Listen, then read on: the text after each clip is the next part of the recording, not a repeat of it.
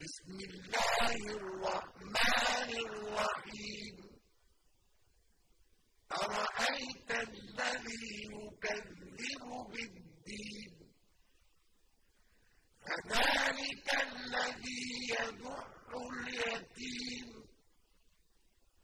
ولا يحض على طعام المسكين. فويل للمصلين. الَّذِينَ هُمْ عَن صَلَاتِهِمْ سَاهُونَ.